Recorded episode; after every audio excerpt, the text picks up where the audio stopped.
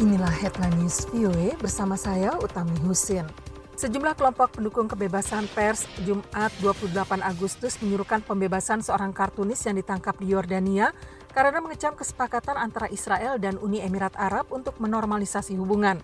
Emad Hajjaj ditangkap Rabu setelah mempublikasikan sebuah kartun yang menggambarkan pemimpin Uni Emirat Arab sedang memegang seekor burung merpati berbendera Israel yang sedang meludahi wajahnya. Ludah itu diberi label F-35, merujuk pada pesawat canggih Amerika yang dijual ke Uni Emirat Arab menyusul pemulihan hubungan Uni Emirat Arab Israel, namun mendapat tentangan Israel. Nidal Mansur, pendiri organisasi Pusat Pembela Kebebasan Jurnalis di Yordania, termasuk salah satu aktivis pers yang menyerukan pembebasan kartunis Yordania keturunan Palestina itu. Ia mengatakan Hajjaj ditangkap karena dianggap pihak berwenang membahayakan hubungan Yordania dengan negara bersahabat. Pihak berwenang Yordania belum mengeluarkan pernyataan terkait penangkapan kartunis tersebut. Yordania adalah sekutu barat dan satu di antara dua negara Arab yang telah menandatangani kesepakatan perdamaian dengan Israel. Uni Emirat Arab yang wilayahnya tidak berbatasan dengan dengan Israel dan belum pernah berperang dengan Israel akan menjadi negara Arab ketiga yang menormalisasi hubungan.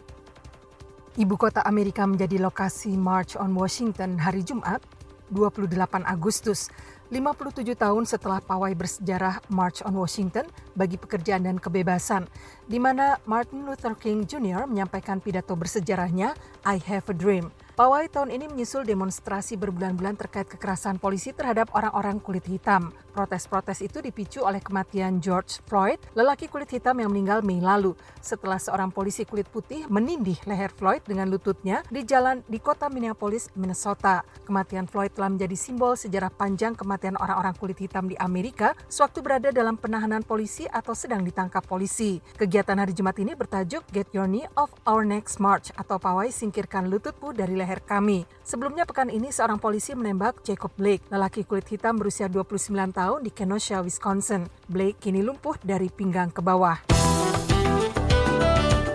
Ingin tahu berita menarik, terkini, dan terpercaya? Ikuti kami di Instagram at VOA Indonesia. Komite Perlindungan Jurnalis CPJ Jumat 28 Agustus mendesak pihak berwenang di Libya untuk segera membebaskan seorang jurnalis tempat yang ditahan sewaktu meliput demonstrasi anti pemerintah di ibu kota Tripoli. Jurnalis radio Libya Sami Al-Sharif ditangkap hari Minggu oleh sejumlah pria berseragam militer yang berafiliasi dengan pemerintah kesepakatan nasional yang diakui PBB, kata sebuah pernyataan yang dirilis hari Kamis malam oleh CPJ yang berbasis di New York pihak berwenang Libya harus segera mengungkapkan apakah mereka benar menahan jurnalis Sami Al-Sharif. Jika benar, bebaskan segera jurnalis itu, kata Syarif Mansur, koordinator program CBJ untuk Timur Tengah dan Afrika Utara. Pemerintah Kesepakatan Nasional Libya harus berusaha maksimal untuk melindungi jurnalis dari bahaya dan menjamin bahwa lembaga-lembaganya tidak melakukan tindakan semena-mena, menculik atau bahkan mengganggu pers. Berbagai protes digelar di Tripoli dan provinsi-provinsi lain untuk menentang korupsi dan situasi ekonomi yang memburuk selama beberapa hari berturutan sejak hari Minggu lalu.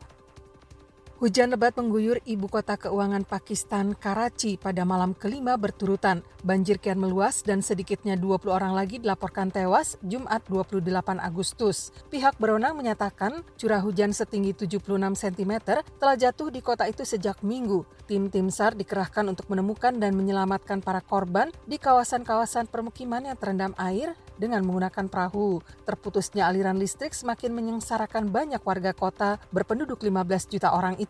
Sejumlah pekerja terpaksa tinggal di kantor-kantor mereka, sementara yang lainnya di tempat-tempat terbuka karena tidak adanya transportasi untuk pulang ke rumah di banyak bagian di Karachi. Tiongkok menolak impor daging sapi dari sebuah perusahaan Australia hari Jumat 28 Agustus setelah melaporkan menemukan bahan kimia terlarang dalam produknya. Sejumlah pejabat Australia mengatakan mereka kini sedang berusaha menyelesaikan masalah tersebut. Impor daging sapi dari PT John D. Warwick yang mengandung bahan kimia chloramphenicol itu sudah dihancurkan, kata Badan Bea Cukai Tiongkok. Chloramphenicol adalah sejenis antibiotik yang digunakan untuk mengobati infeksi bakteri. Bahan kimia ini mengandung karsinogen yang biasa mengakibatkan anemia aplastik, suatu gangguan kesehatan yang diakibatkan sumsum -sum tulang belakang tidak mampu memproduksi sel darah baru dalam jumlah yang memadai. Demikian Headline News VOA.